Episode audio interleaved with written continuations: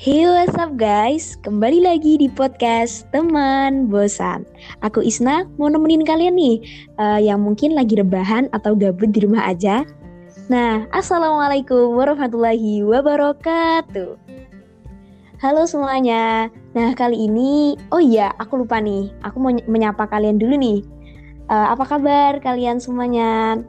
Uh, kali ini aku gak bakalan apa ya ngerekam podcast sendirian nih Nah, kali ini aku ditemenin sama teman aku. Tapi mungkin kalian gak pada belum kenal sih, karena ini emang teman baru banget. Uh, kenalin, Anya. Halo Anya. Hai Isna. Hai juga uh, pendengar setia podcastnya Isna.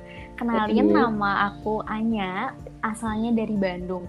Awal aku kenali Isna itu dari Kak Azka, uh, Ketum IPM Mualimat periode sebelumnya. Nah, kenapa sih aku ngehubungi Isna? Karena aku ngerasa eh kita diamanahi uh, ketua umum juga. Jadi aku rasa ketika aku sering berdiskusi dari Isna, aku bakal dapat banyak pengalaman, banyak inspirasi dan kita juga bisa berbagi kisah menarik. Wah, emang bener banget sih. Aku juga beruntung banget tahu uh, tiba-tiba kamu ngecat aku dan aku juga apa ya merasa beruntung gitu punya temen yang uh, beda ranting dan itu tuh jauh banget gitu dari Bandung gitu. Jadi emang kita sering ini ya apa saling berbagi cerita kayak gitu ya An. Jadi kita ya, mencoba bener, buat sharing gitu di podcast teman bosan kali ini. Nah, kali ini kita bakalan ngebahas apa sih An? Kita itu bakal ngebahas sepucuk surat untuk masa depan. Widih. Nah, kira-kira kali ini kita bakalan ngapain ya, guys? Nah, kali ini kita bakalan ngobrol santai aja kali ya, An? Iya, bener banget. Hmm, soalnya kan apa ya? Uh, karena udah berapa berapa lama sih kita di rumah? Setengah nah, tahun? Iya, mungkin ya 8 bulan atau 9 ya? Iya, udah lebih, udah oh, lama banget. Jadi kayak uh, jadi kayak muncul kebiasaan baru terus muncul kayak eh, perasaan-perasaan yang membuat kita tuh jadi stres di rumah nah kira-kira kayak gitu tuh mempengaruhi banget kan buat masa ya. depan kita bener banget Maka, hmm, makanya kita buat tema tuh apa sih sepucuk surat untuk masa depan. Jadi kita bakalan ngobrolin kegalauan-kegalauan anak-anak ya anak-anak zaman sekarang lah yang seumuran kita kayak gitu. Ya enggak An? Iya bener banget. Yang diharapin uh, setelah mendengarkan podcast kali ini teman-teman dapat inspirasi untuk uh, membuat resolusi atau harapan-harapan atau mimpi-mimpi yang dilaksanakan di tahun depan. Sebenarnya budaya awal tahun itu menurut aku ada sisi positifnya gitu dengan adanya resolusi kita uh, ter apa ya terdorong untuk melakukan suatu perubahan gitu. Jadi ketika ada budaya yang positif ya kenapa kita nggak ikutin gitu. Oh iya bener banget. Aku juga mikirnya kayak gitu jadi kayak uh, resolusi itu penting banget kan apalagi buat kita di masa depan kayak gitu di mana kita harus ada target setidaknya kayak gitu entah target uh, satu tahun kah atau target berapa tahun ke depan itu emang harus ada sih sebenarnya. Karena kalau nggak nggak kita nggak kepikiran kayak gitu ya mau mau gimana kita kayak gitu. Apakah kita mau kayak gini aja kayak gitu ya nggak kak? Iya bener banget gitu. Kita harus berubah berevolusi untuk menjadi uh, sosok manusia yang lebih baik ba dan baik itu bermanfaat untuk sendiri sendiri maupun untuk orang lain. Iya bener banget nih. Langsung aja nih. Kira-kira uh, pertanyaan-pertanyaan apa ya yang sering muncul di kalangan kita tuh an? Menurut aku sih di sekarang-sekarang itu kita lagi banyak insecure-nya. Jadi ngelihat medsos uh, di TikTok, di Instagram semuanya pada glow up, terus uh, nampilin karya ini itu gitu. Sedangkan kita kayak wah kok aku gini-gini aja ya, kok aku nggak glow up glow up padahal udah skincare misalnya.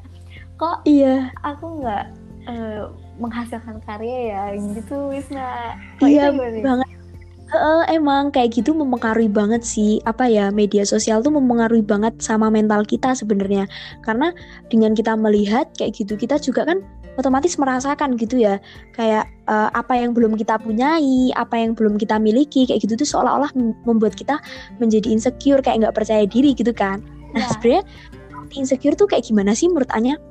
Oke, okay, menurut aku tuh insecure itu pra, uh, dari definisinya sendiri yaitu perasaan tidak aman. Tapi sayangnya di antara kita itu banyak yang salah meng mengartikan gitu kayak insecure itu berarti ada yang kita di bawah, kita gagal dan lain sebagainya gitu. Tapi sebenarnya itu perasaan tidak aman gitu. Dan iya. orang-orang yeah. itu, orang-orang tuh selalu uh, bikin cap untuk orang-orang yang insecure. Ah dia gagal, ah dia uh, pokoknya seakan-akan kayak ngasih tunjuk ke orang itu bahwa dia itu gagal gitu. Nah padahal untuk orang-orang yang insecure itu harus kita dampingi, harus kita peluk karena mereka ngerasa tidak aman gitu. Kita sebagai teman harus bisa merangkul uh, orang-orang yang insecure gitu Isna. Kalau menurut iya, benar sih. Uh, uh, Sebenarnya apa yang kamu omongin tadi udah mewakili banget sih dengan kata insecure itu soalnya ya mau gimana lagi gitu kita sebagai apa ya sebagai teman sebagai yang ada di sekitar uh, lingkungan kita ataupun teman-teman sekolah ya khususnya. Kan kalau dari kayak gini kan nggak bisa ketemu. Jadi semaksimal mungkin kita sebagai teman juga harus bisa memposisikan diri gitu. Kayak ya selalu ada gitu kan ya. Ya mau gimana lagi gitu kan. Kayak kalau nggak kita yang mengingatkan nggak kita yang merangkul siapa lagi gitu. Nah, jadi tak membuat teman kita sendiri itu jadi kayak apa ya uh, down kayak gitu takutnya. Jadi kita emang harus support banget sih sebagai teman. Iya bener banget nih. Bener nggak mm -hmm. sih? Nah, menurut aku tuh kayak udah udah insecure tuh kita berujung overthinking. Jadi kayak ngerasa, Ih, bener banget. Gimana nih gitu kayak gitu. Iya. Gimana oh, nih menurut Isna nih? Kayak apa ya overthinking itu kan kayak overthinking berlebihan dalam berpikir gitu ya bahasanya tuh kayak uh, seolah-olah kita tuh memikirkan segala sesuatu tuh berlebihan kayak misalkan uh, apa aja yang bisa terjadi kalau kita ngelakuin kayak gitu.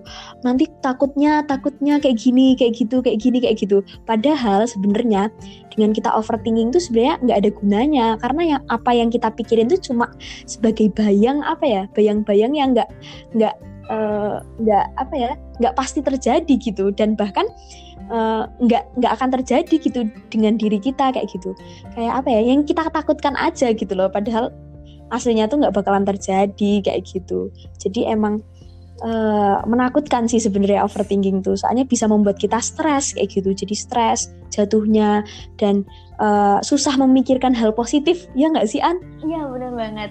Terus eh, kadang-kadang kita tuh kayak terus-terusan uh, melihat orang lain gitu. Padahal kita nggak bisa mengendalikan orang lain. Yang bisa kita kendalikan itu diri kita sendiri gitu. Jadi gimana caranya kita benar-benar nge-upgrade diri gitu karena sejatinya yang bakal nguatin kita saat kita down lemah itu diri kita sendiri bukan orang nah, lain. Nah bener gitu. banget, bener banget. Itu juga masuk ke pembahasan love yourself gak sih? Iya bener-bener love yourself nah, ya. Nah love yourself tuh juga penting banget gak sih An buat diri kita kayak gitu? Kalau menurutmu? Penting banget loh, ya karena uh, aku rasa semenjak pandemi ini kita makin love yourself sama diri kita sendiri gak sih?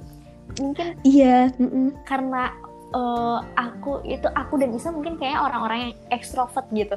Terus tiba-tiba dirumahkan gitu kayak jadi lebih banyak merenung lebih iya, banyak bener, eh, bener. Uh, ngobrol sama diri sendiri self talk gitu.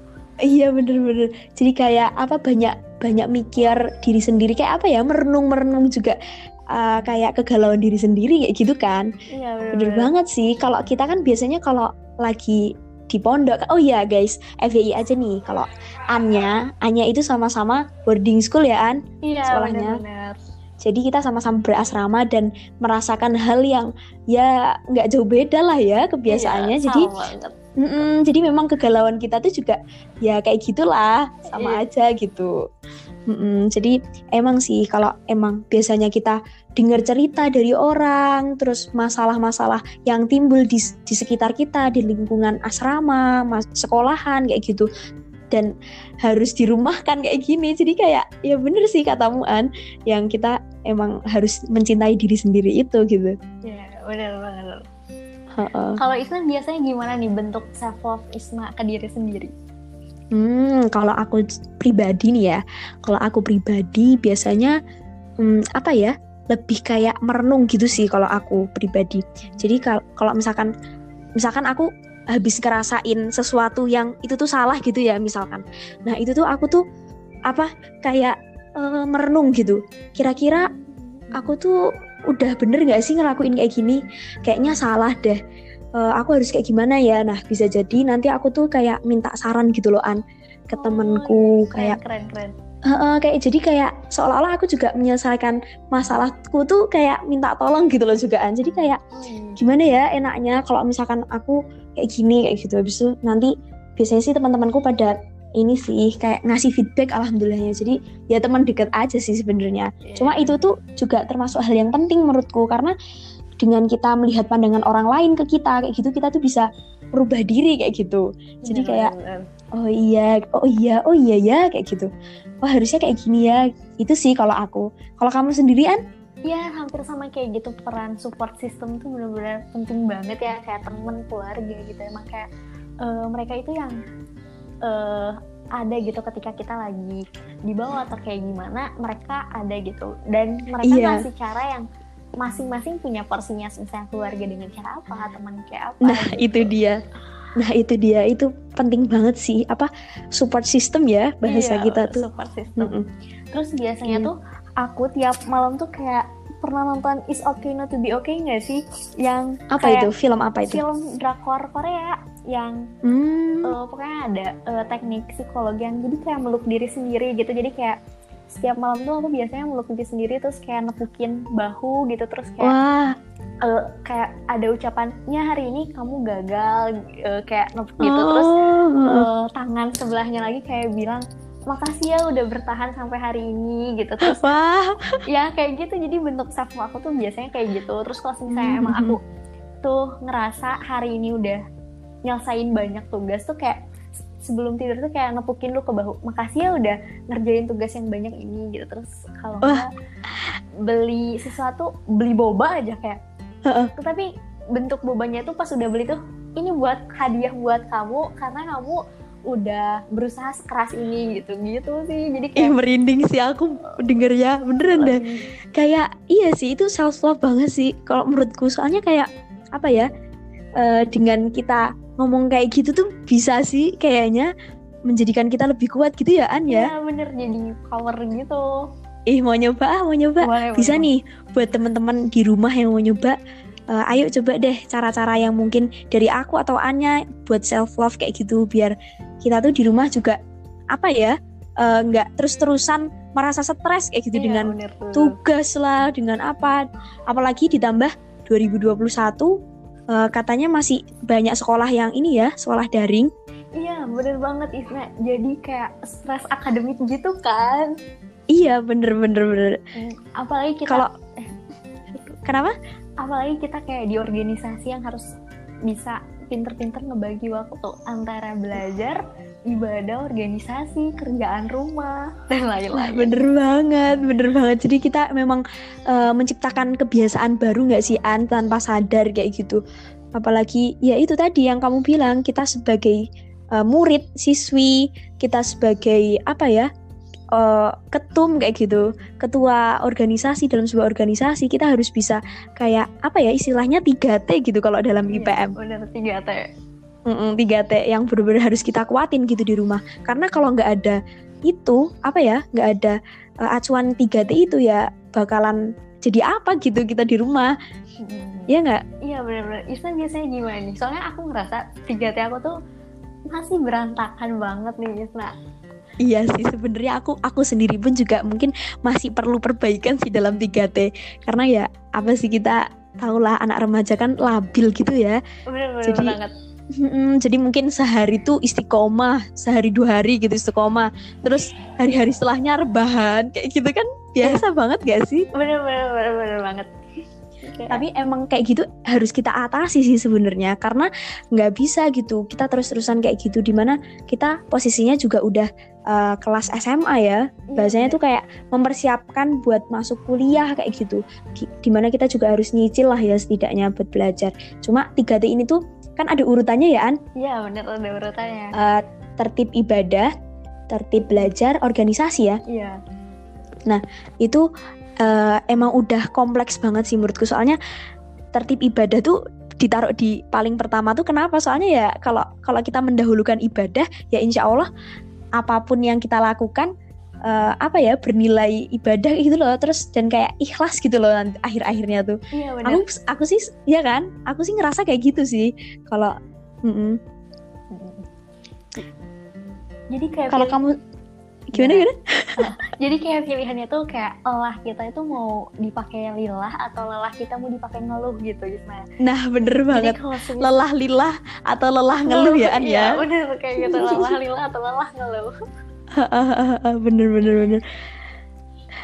Terus terus kira-kira kalau kamu sendiri nih An eh, tiga T itu kalau kamu gimana sih?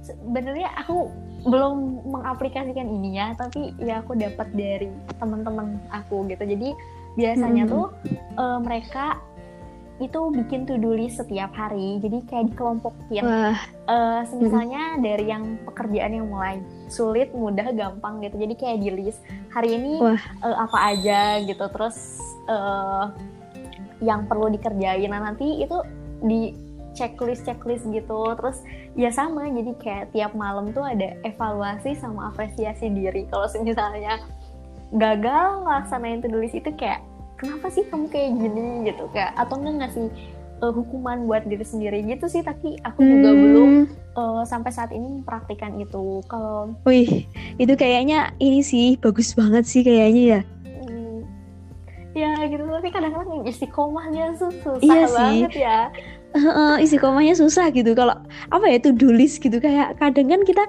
eh, ada hari di mana kita rajin. Ada hari di mana kita memang males kayak gitu. Iya nggak? kalau kamu iya nggak? Bener-bener banget kayak gitu. Tergantung mood di pagi Iya. hari. Gitu kan. Iya bener-bener jadi emang membangun mood tuh sebenarnya penting loh itu juga kan.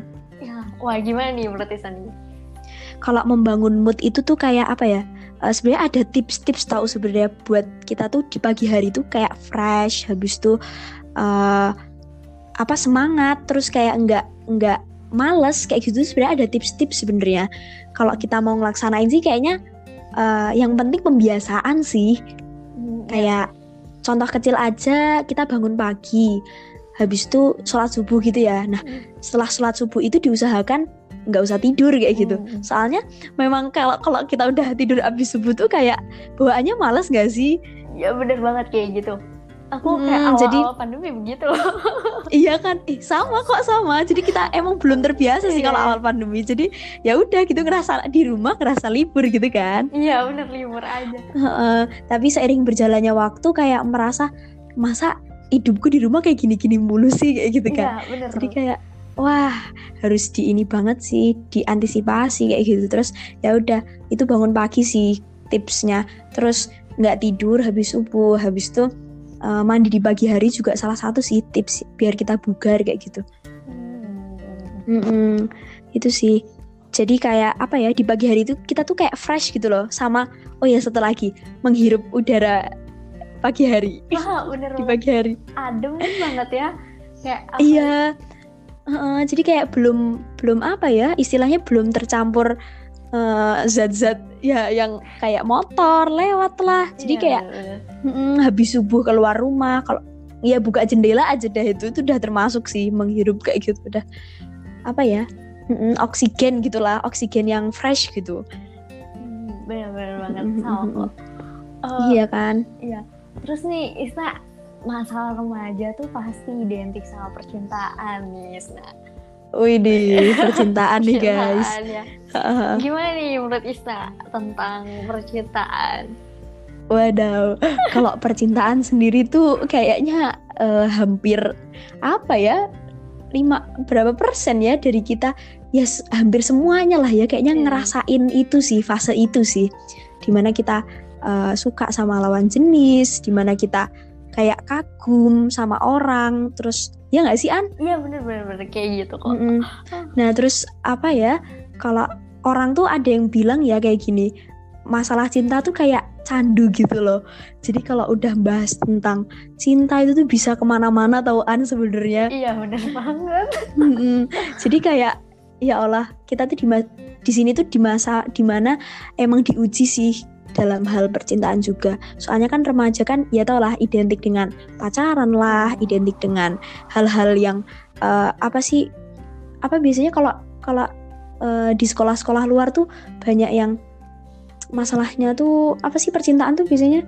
Biasanya tuh kalau teman-teman aku yang sekolah di negeri tuh biasanya kayak diselingkuhin terus Waduh. kayak di ghosting terus kan sekarang kayak musik Heeh. di telegram telegram gitu loh Isna jadi kayak Hmm, nyari, tahu tahu tahu. nyari yang kenalan gitu di medsos Iya, tapi iya. akhirnya di ghosting gitu nah Hmm. aku ngerasa eh, masalah-masalah itu sih terus dari dari percintaan itulah yang bikin jadi kayak toxic gitu loh Hmm, iya bener banget sih, toxic banget kalau menurutku. Soalnya emang candu tuh eh, ada ya candu yang membuat kita lebih baik gitu mungkin. Nah tapi di sini candunya tuh kayak ya toxic yang membuat kita tuh malah apa ya semakin apa ya semakin nggak baik gitu kebiasaannya ya nggak? Eh, eh, bener banget kayak gitu jadi kayak kita ngasih racun eh, ke diri kita sendiri kayak Mm-mm. eh, terus terus kayak kayak ngelegalin hal yang salah gitu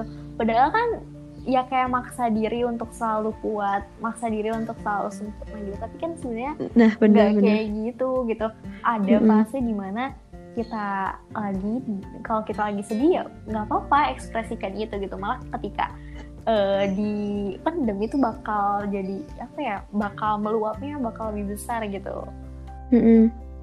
Iya sih, bener. Jadi kayak dampak dari percintaan itu sebenarnya nggak cuman uh, dari diri kita gitu. Jadi kayak apa ya? Bisa jadi kita tanpa sadar melukai orang lain, kayak nyakitin hati orang lain, kayak gitu nggak sih?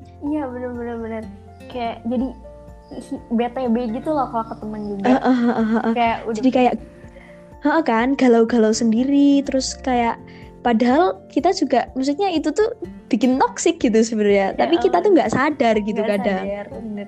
Mm-mm. Soalnya ya tau lah yang namanya udah cinta, udah suka, kayak membutakan segalanya, ya nggak? Iya bener kalau udah cinta kayak semua harus kayak sempurna dia sukanya apa aku juga harus suka kayak gitu lah Iya rata-rata. bener banget, bener banget sih. Jadi kayak harus sama, apa apa harus inilah itulah, eh, harus nungguin lah, harus eh, setiap hari ngechat lah, harus setiap hari mantau lah. Emang dikira siapanya? belum tentu belum belum tentu jodoh gitu ya iya bener banget, kayak seolah-olah apa sih ngapain sih jagain jodoh orang gitu kan ya? Ya udah kalau misalkan eh, kalau percintaan kayak gini sih wajar cuman emang kita yang harus pinter-pinter ngadepin ya nggak An? iya bener banget. Eh, kalau kalau dari kamu sendiri nih kira-kira yang membuat kamu membentengi diri dari umurmu yang 17 kamu udah 17 tahun kan udah sekarang? udah.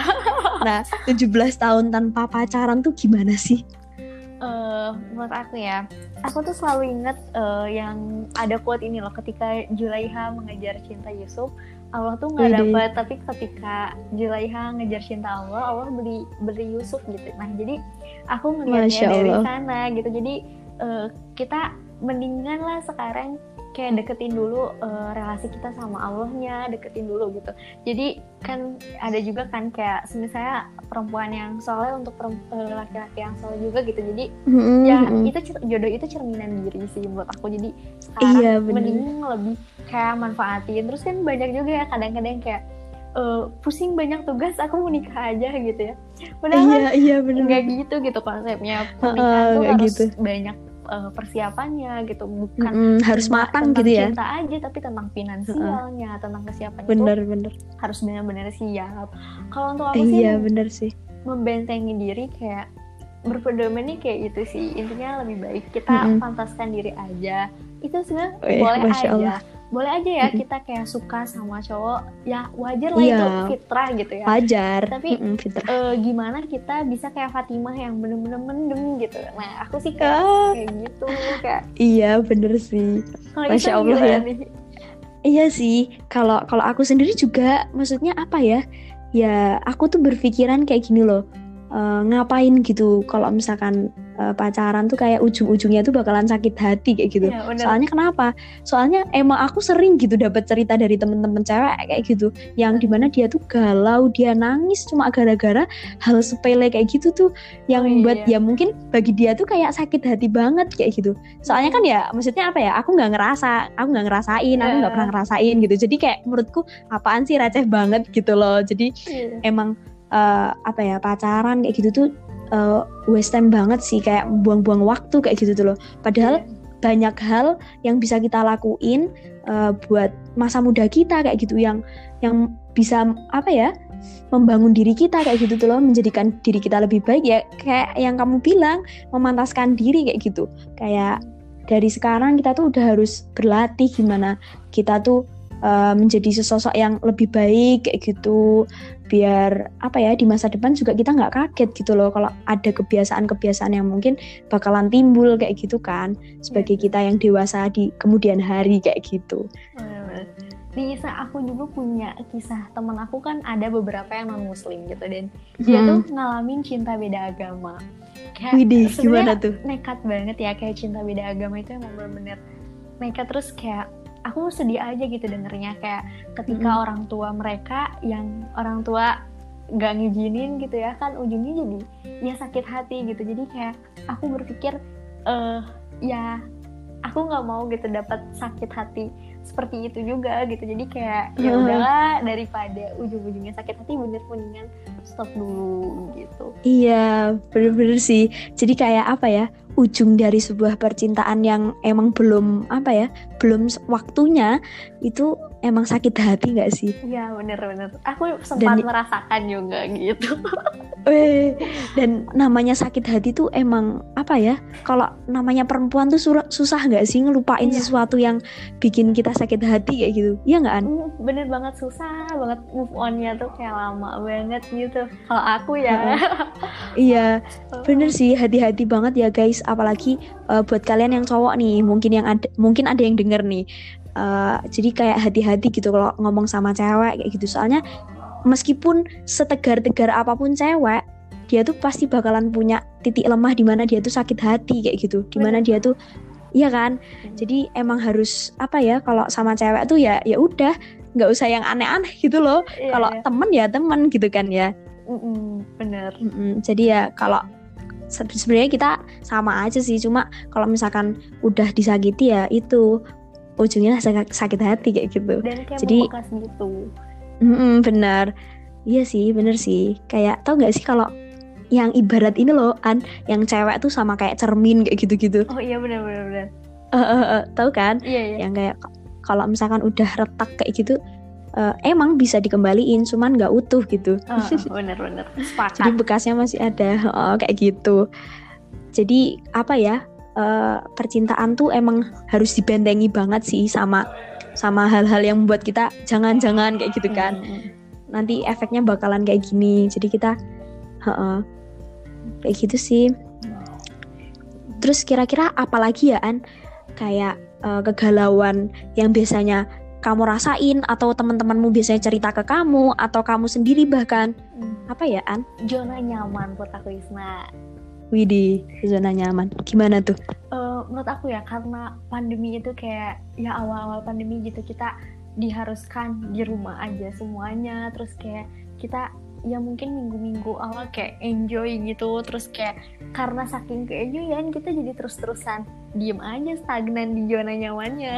Jadi kayak iya, bener, bener. gak ngelakuin uh, sesuatu hal yang produktif gitu kayak bingung ya mulai dari mana gitu kayak uh, ini mulainya dari mana ya? Terus yang aku lakuin bener gak ya jadi kayak banyak takut-takutnya juga gitu. Jadinya kayak ah udahlah nanti aja ah, udahlah nanti aja gitu. Jadi nyaman sih menurut aku. Aku juga kayak iya, gitu. Bener banget sih. Jadi kayak seolah-olah uh, zona nyaman itu membuat diri kita jadi lebih apa ya lebih buruk gitu ya istilahnya. Kayak uh, membuat kita jadi malas kayak gitu kan? Iya benar banget jadi apalagi udah kalau udah di rumah apa-apa serba ada uh, makanan udah ada uh, apa tempat tidur juga nyaman. Jadi kayak ya udah kita tinggal ngapain aja bisa gitu. Dan sekolah daring pun ya kalian tau lah gimana sih sekolah daring. Nggak semuanya bakalan ini kan apa ya mengikuti dengan seksama dan yang ya tau lah gimana sih An iya, kamu kalau sekolah daring? Sama aja sih kayak saya uh, kameranya nggak dinyalain gitu. Jadi kayak nah, kita kan? ke mana-mana gitu. Jadi iya. nggak fokus. Uh, ke distract uh, itu, terus. iya ke distract terus sih. Itu itu gara-gara zona nyaman sih sebenarnya. Kayak kita nggak mau lepas dari uh, kesenangan kita kayak gitu kan. Hmm. uh, juga aku juga ngerasain sih zona nyaman. Kayak perpindahan antar zona zona nyaman ke zona nggak nyaman aku kayak gitu. Di mana uh, waktu aku sebelum jadi ketum ketua IPM itu bener-bener aku tuh nggak mau gitu loh an jadi ketua. Oh iya sama sih. Tapi iya kan? Sama kan? Tapi di situ aku ngerasa gitu.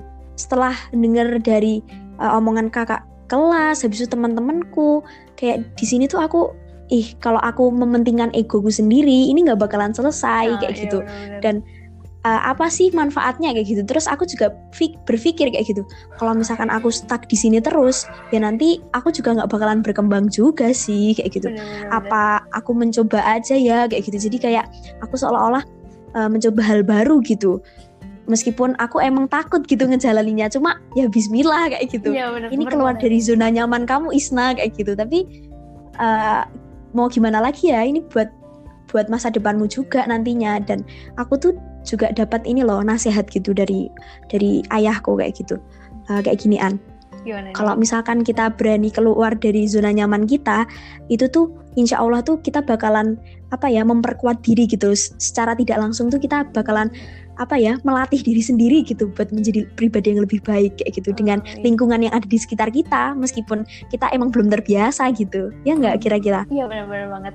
Malah ketika kita keluar di zona nyaman tuh emang awalnya tuh pasti berat banget, susah banget, gak terbiasa gitu. Tapi itu tuh kita udah kayak nge-challenge diri gitu. Kita udah naik satu langkah gitu. Toh hidup ini penuh dengan proses ya karena jadi nggak akan pernah berhenti dari proses gitu. Jadi terus-teruslah berproses gitu menurut aku. oh ini bener banget sih itu zona nyaman wah nggak kerasa loh an. Iya. kita ngobrol udah 30 menit. Bener banget, seru banget ini harus ada part 2. seru banget.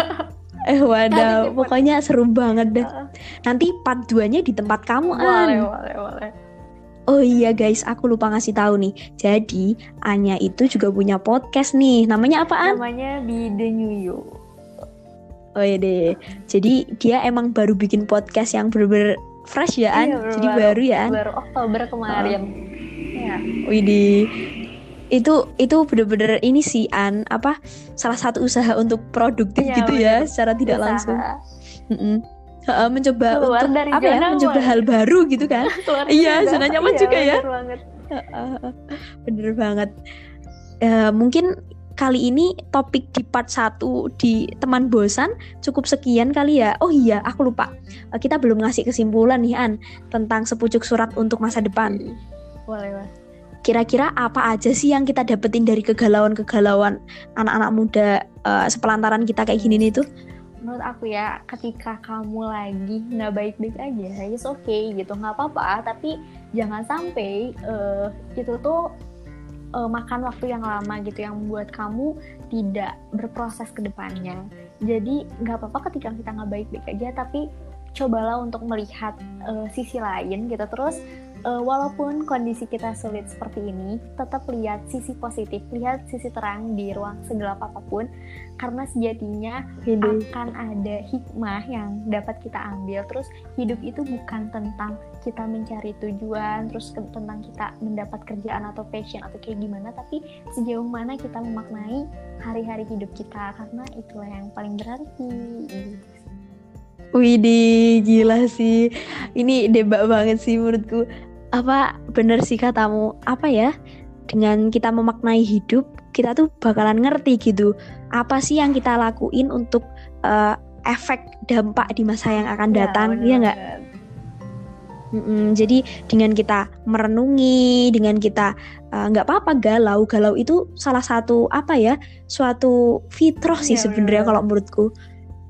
Karena emang di fasenya lagi di fase apa ya remaja tuh galau kayak gitu, itu tuh bukan hal yang salah.